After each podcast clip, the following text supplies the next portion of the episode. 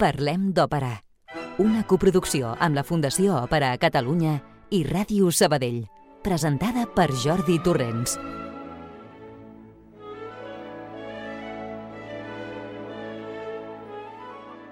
Hola a tothom, sigueu benvinguts una setmana més a Parlem d'Òpera, el programa de Ràdio Sabadell on tractem de tot allò que fa referència a aquest espectacle, probablement el més complex que existeix.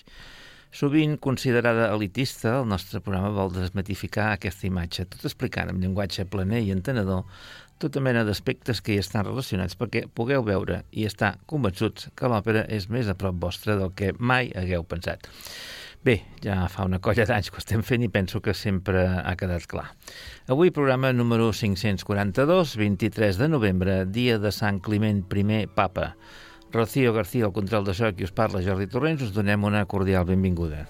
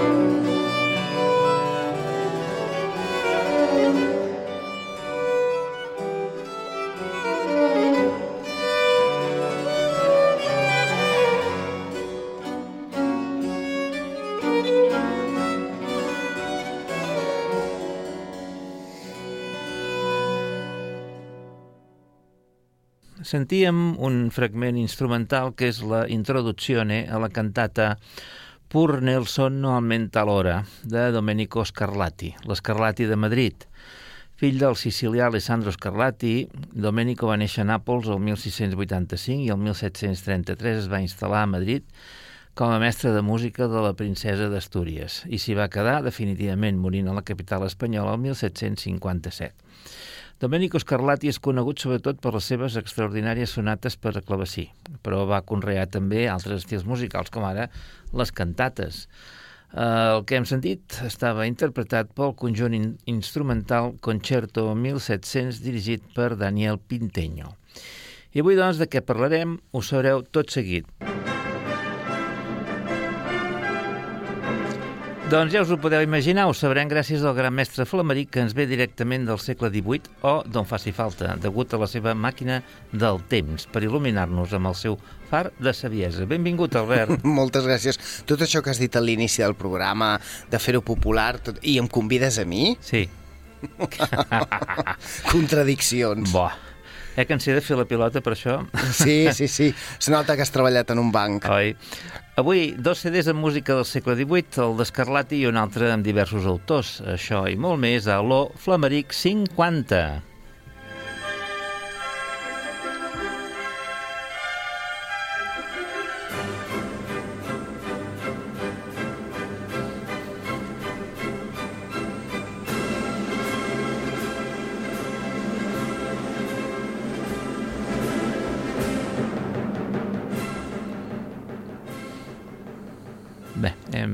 Deixar que s'acabin les notes per la invasió de Polònia.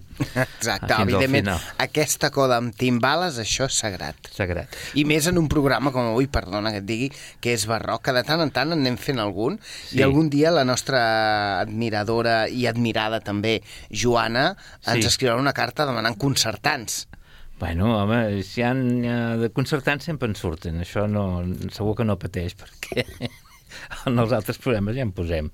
Bé, molt bé, avui ja hem assolit els 50 programes que anomenem genèricament a l'Oflamaric, però n'hi ha hagut molts més, perquè abans havíem de buscar títol específic per cadascun d'ells, fins que me'n vaig cansar. I vaig decidir tirar pel dret. El 50, ja, que com qui posa números romans, és L. Això vol dir també que ets un novato en això de conduir? Uh, bueno, el tinc al carnet, però realment no, no el faig servir. No, no, tu Jo, dels- jo xòfer, si Tu pot ser. que vam xofer, oi? Sí. bueno, xofer, xofera o amb la Renfe, que bueno, en Ah, fi. bueno. Sí, bon, bon, bon xofer, la Renfe. Sí, et desesperes. Si vas amb cotxe et desesperes amb, el, amb la gasolina. Sí. Si vas amb tren et desesperes amb, amb les rodalies. Amb els timings. oi? Sí. Però ara, ara que faran el traspàs, eh, tot arreglat, oi? Sí, sí, sí, i tant, i tant. I ara que estan arreglant la R3 també. També. Ara és la R4 la que va fatal també. bueno, en fi, és Bé, igual. En fi, no, no en parlem gaire. No, no. Bueno, molt bé, eh, doncs, com sempre, abans de tirar endavant en matèria, sentirem més música d'aquest CD, que és tot de Domenico Scarlatti. Després entrarem en detalls.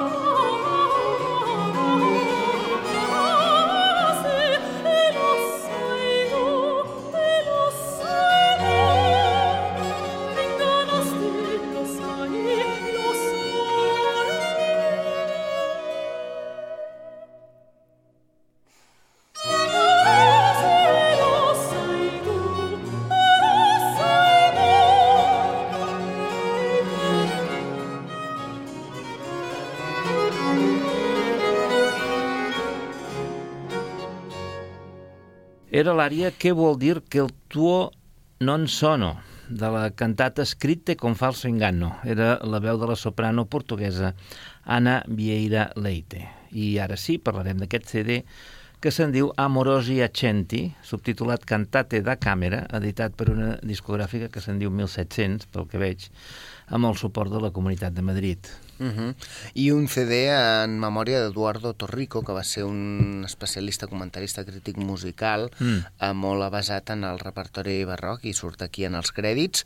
Eh, aquest deu ser un segell d'aquests, jo no el coneixia, d'aquests eh, conjunts que sí. d'alguna manera s'autoediten, o ara és més fàcil tenir una marca, de fet hi ha fundacions mm. que, que en tenen, la Victòria, per exemple, la Fundació Victòria de Los Ángeles. En un futur no sé si la Fundació per a Catalunya també podrà fer coses d'aquestes, no que estaria molt bé, no sé. I aleshores eh, va un enregistrament a nivell de captació de so molt bo, mm. a nivell de criteris interpretatius també molt bé, aquesta soprano realment mm, ho broda.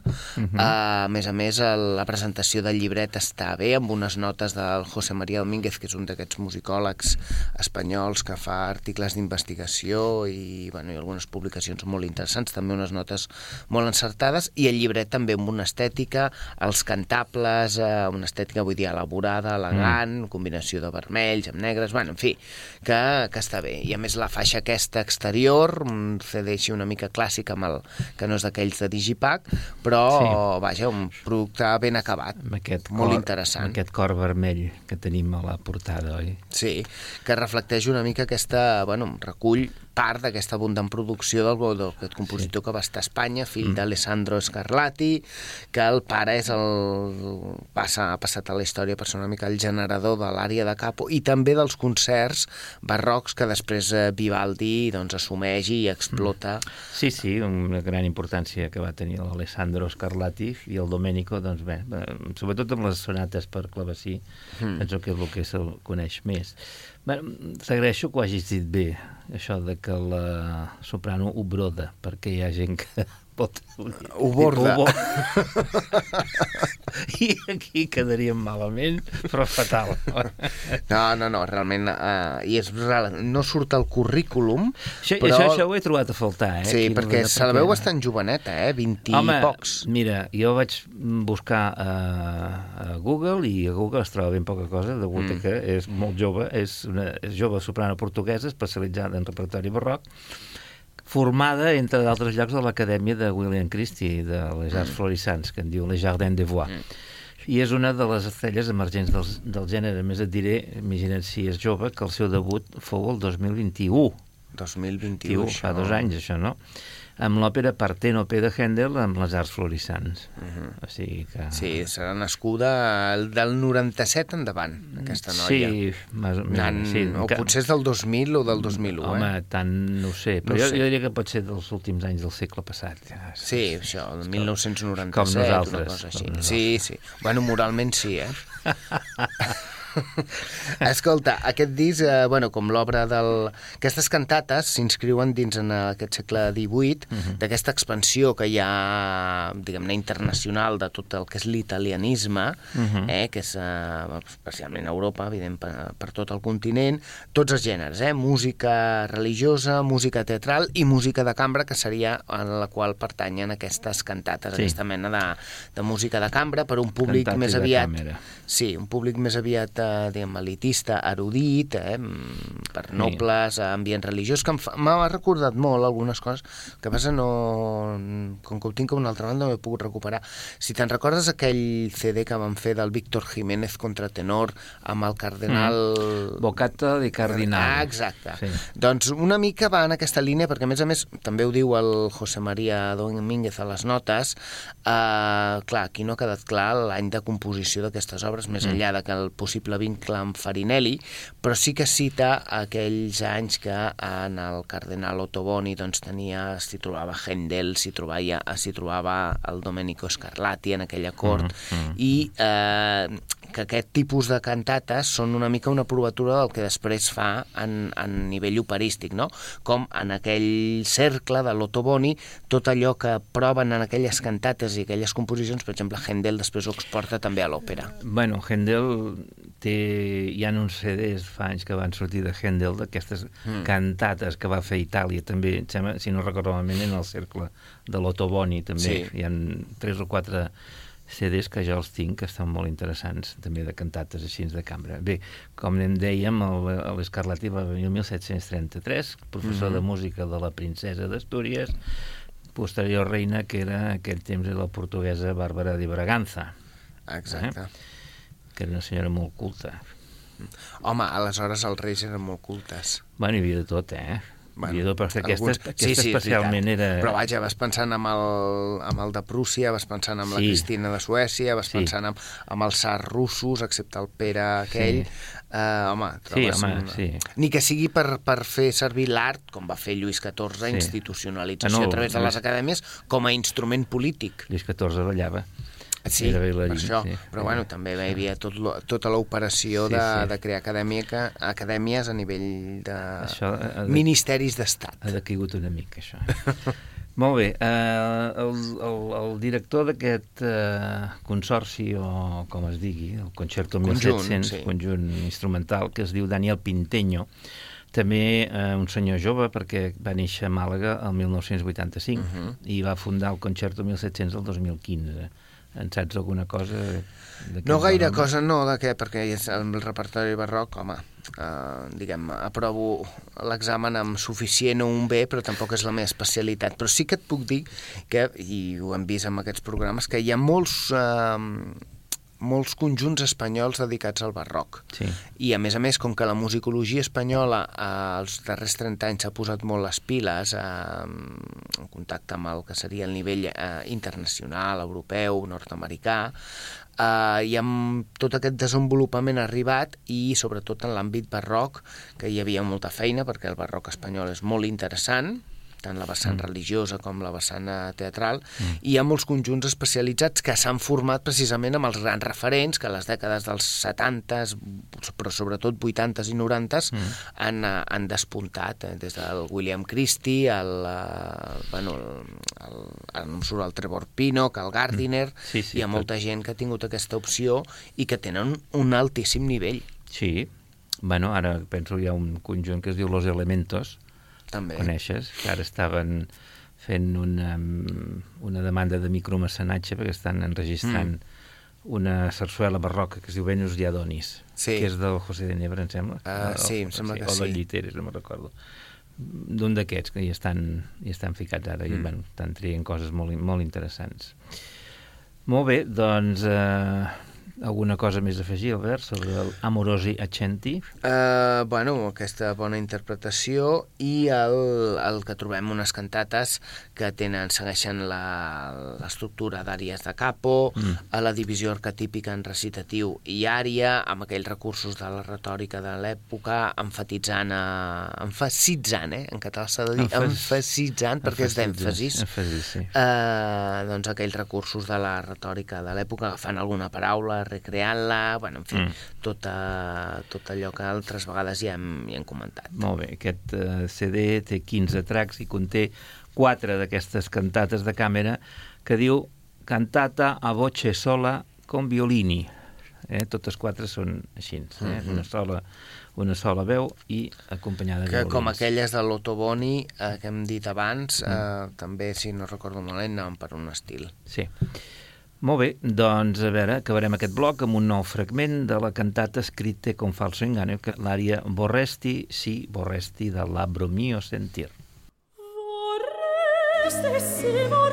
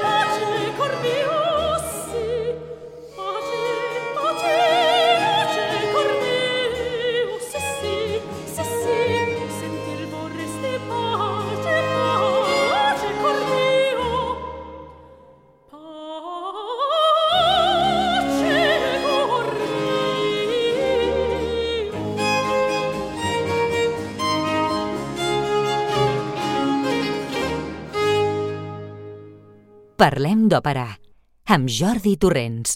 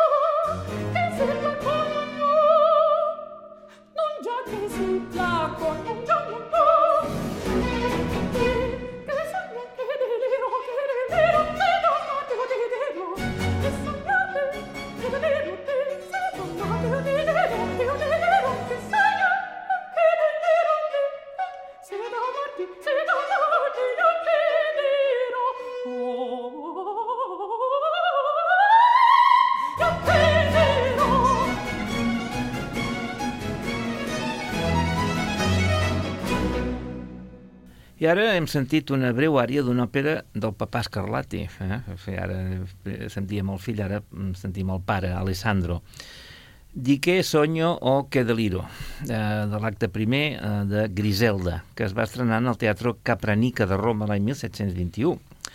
En el repartiment d'aquesta estrena eren tot homes, per bé que hi ha dos rols femenins. Cinc eren castrati i un tenor. Faig el xiste fàcil? Va, va. Va, que eren sis, però només hi havia un parell. Hi havia un parell. ¿Por qué no te callas? per què no? bueno, tampoc ho sabem, eh, que no tot anava fora. A Bueno. vegades era obrir, eh, retocar allà, tocar un cable i tornar a cosir, eh, que Tornar ho deixaven tot a lloc, Molt bé, però amb un empalme diferent. Exacte. Sí, mai més ben dit. Exacte. Com segurament sabreu, eh, ho he comentat alguna vegada, la Roma papal d'aquella època, en ridículament carca, la, més, més cara, eh? Les dones ten, tenien prohibit pujar a l'escenari. Això és, ve d'un decret del papa Sixte V de l'any 1588, eh? I us faig tota aquesta explicació perquè el CD del qual parlarem ara es diu precisament Roma Travestita. És, està editat per Erato i conté àrees d'òperes amb aquestes característiques. El conjunt instrumental, Il Pomodoro, està a càrrec de la música dirigit per Francesco Corti i qui canta és un dels sopranistes, que són els homes que canten de soprano, eh? no ben bé, no és el mateix que un contratenor, ben No. bé. Eh, doncs és un dels sopranistes més coneguts al moment i és el brasiler Bruno de Sá. Doncs eh, un CD que jo he quedat al·lucinat per eh, sobretot el timbre, Ah, eh que sí? que sembla realment doncs, això de, de soprano. Total. Tenim pendent un llibre que, Sí. que el, no l'estic acabant d'agafar, vaig començar-lo, que és aquell del contratenor, editat per és que Acal. jo vaig començar i em va semblar una mica més tractat fisiològic de veus i tot això. A a l'inici sí, però després em sembla que la cosa es va reconduint, mm. uh, però és un dels millors llibres que em sembla que és d'aquest any o ja de l'any passat, mm. uh, i un llibre fonamental, eh?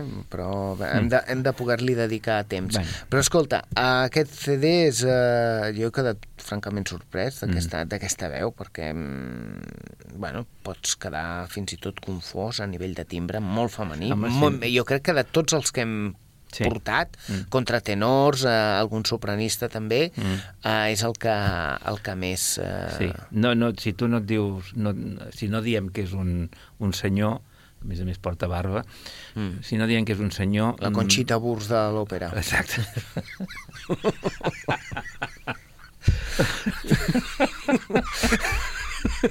bueno, va. Conxita Burst. O Burs, sí, no sé, un d'aquests que va actuar. Botifarra. Sí, uh, bueno, Burst és botifarra, allà Sí, sí, aquells sí. països. És un...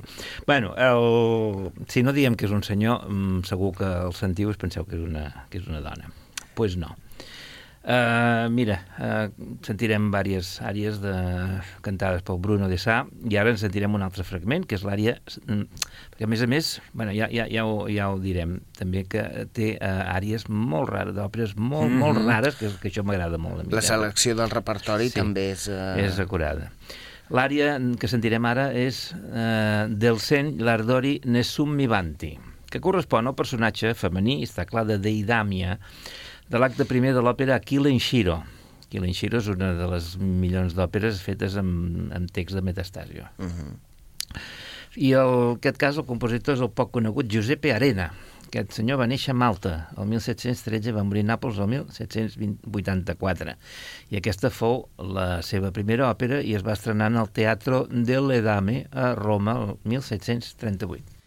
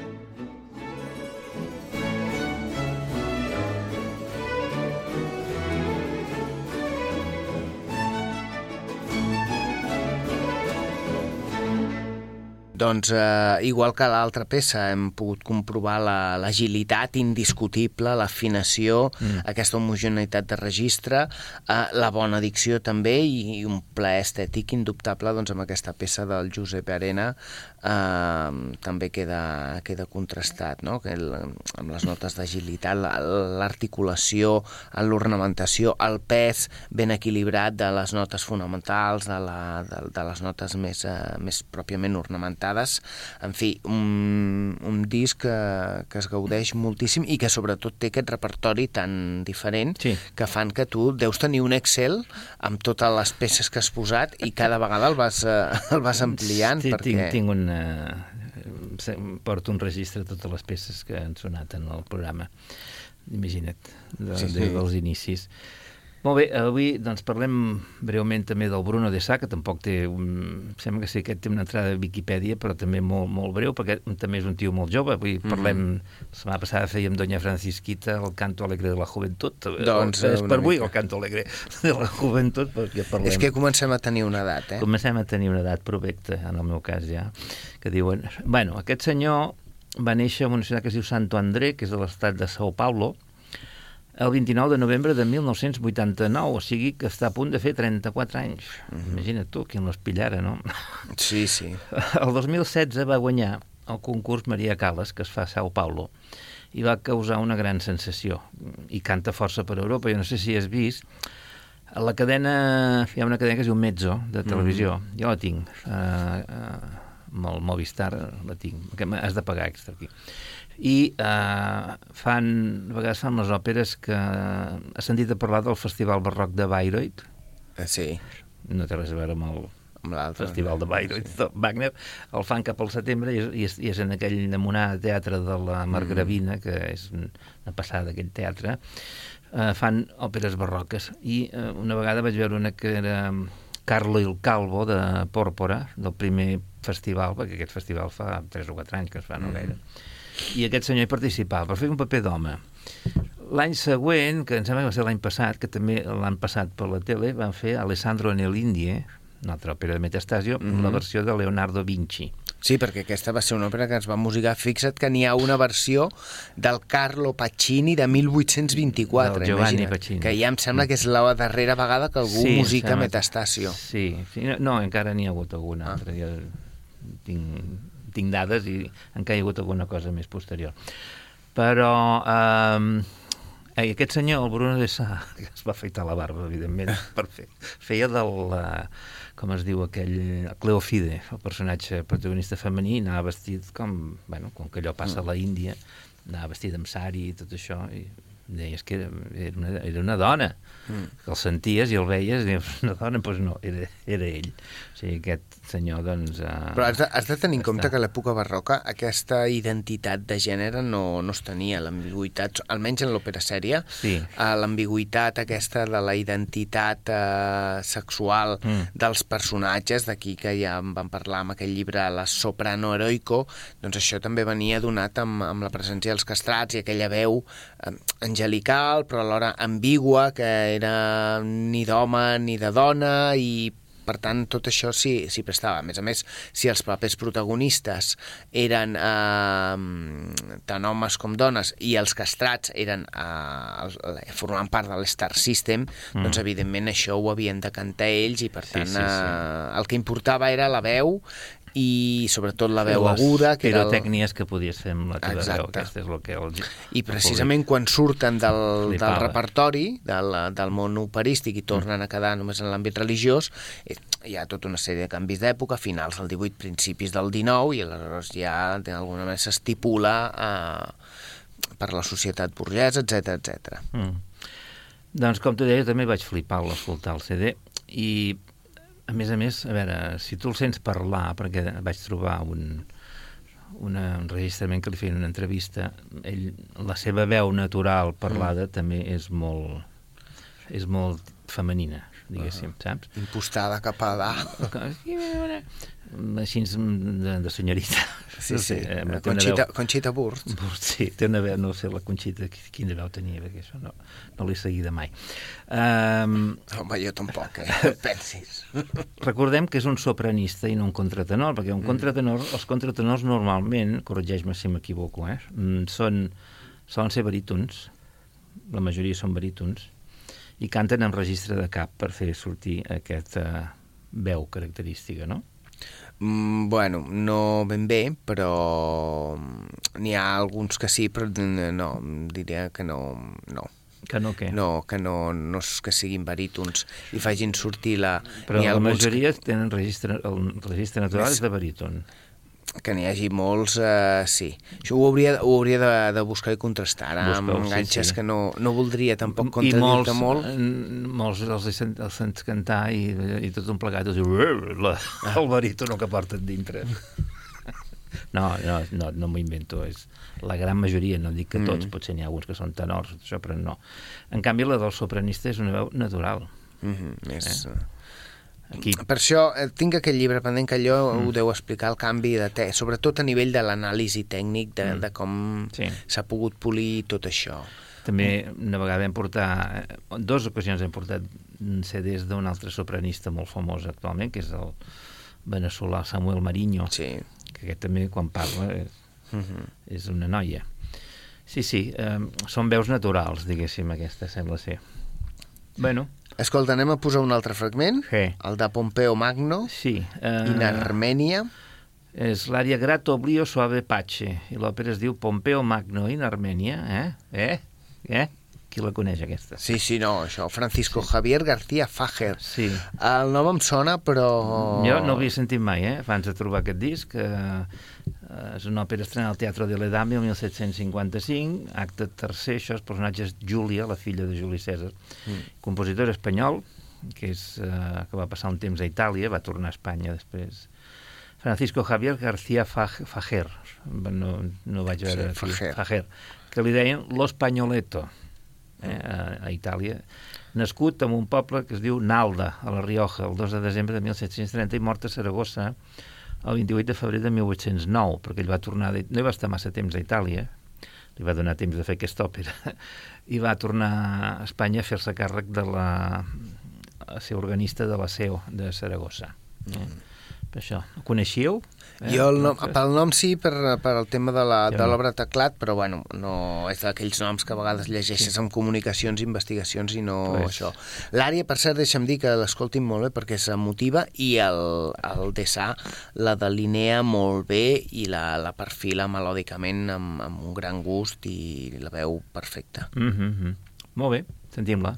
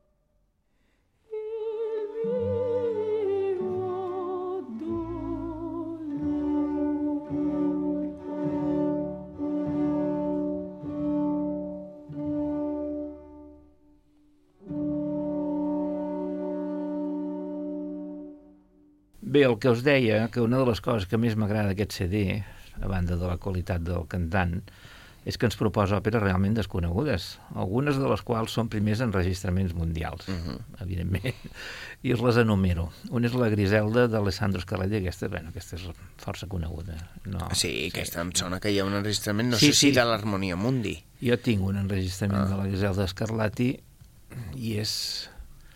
Sí, sí, la. Hi ha, és que hi ha la Griselda Scarlatti i un altre eh, d'un altre compositor. I n'hi ha un d'aquests discs que canta la Freni. Mira tu. Sí. Uh, llavors hi ha el Farnace de Leonardo Vinci, també és coneguda, el Giustino d'Antonio Vivaldi, tot fins aquí. Que Vivaldi també té un Farnace. També, tots tenen Farnaces. Sí, sí, I bueno, el Justinos. tema- Tots. És- I Orlandos. i Orlandos i tota la mandanga. Eh, Llavors aquí ja comencem a terreny resbaladizo. Bologeso re de parti, eh, d'un tal Rinaldo di Capua, primer enregistrament mundial. No havia sentit mai aquest compositor. No, el Di Capua que coneixem és el de les cançons napolitanes de finals del 19, Correcte, 20, però no, aquest no era el Rinaldo, no. era un altre. Ernesto, en aquest cas. Ernesto. Aquí l'Enxiro de Josep Arena, que és la que hem sentit abans, també primer enregistrament mundial. Llavors hi ha una que es diu Evergete, que és de Baldassare Galuppi. Galupi, que per cert, jo, eh, clar, és una àrea molt llarga, em sembla que durava 8 minuts aproximadament, o 7 i pico, però que hi ha uns sobreguts aquí que també, eh, no recordo si se'n va al re, Que o és un do, Que fan però... fareda- faredat. Sí, sí, uns picats que també... Vull dir, 8 aquesta minuts part, i mig. Però, 8 minuts, eh, sí, no, això no ho podem posar, Jo vaig a... però, però també la recomanem Sí, perquè hi ha una exhibició allà vocal també molt, sí. Molt significativa. Primer enregistrament mundial, aquesta no la teníem quan fa dos mesos Vam parlar vam al parlar de Galupi. Si no l'hagués posat, possible, Mhm. mm. possiblement. Llavors hi ha una altra òpera que es diu Adelaide, d'un altre compositor que, primera notícia també, Gioacchino Cocchi. No, no l'Econococchi. No ve Conocchi. Primer enregistrament mundial. Lívia Clàudia Vestale, d'un que- es diu Nicola Conforto. Aquest sí que l'havia sentit anomenar perquè amb un altre disc, que em sembla que és amb un disc del Fajoli, Mm. hi ha una àrea d'aquest Conforto. Primer enregistrament mundial. Pompeo Magno in Armènia, de Francisco Javier García Fajer, primer enregistrament mundial.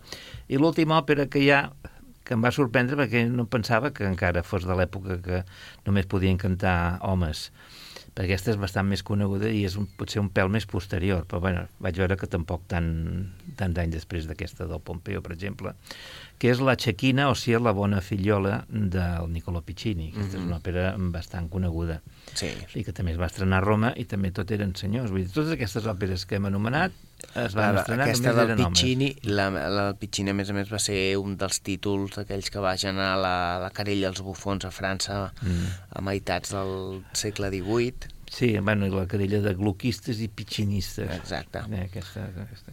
Els francesos els encanta discutir i querellar-se i tot. És, és, és un... Bueno, els hi va la marxa. Ho porten I, a i fotre co colls a terra i, No i se- posar, armilles grogues. No, no, ja va bé, ja va bé. res. Sí, sí, sí. Sí, sí.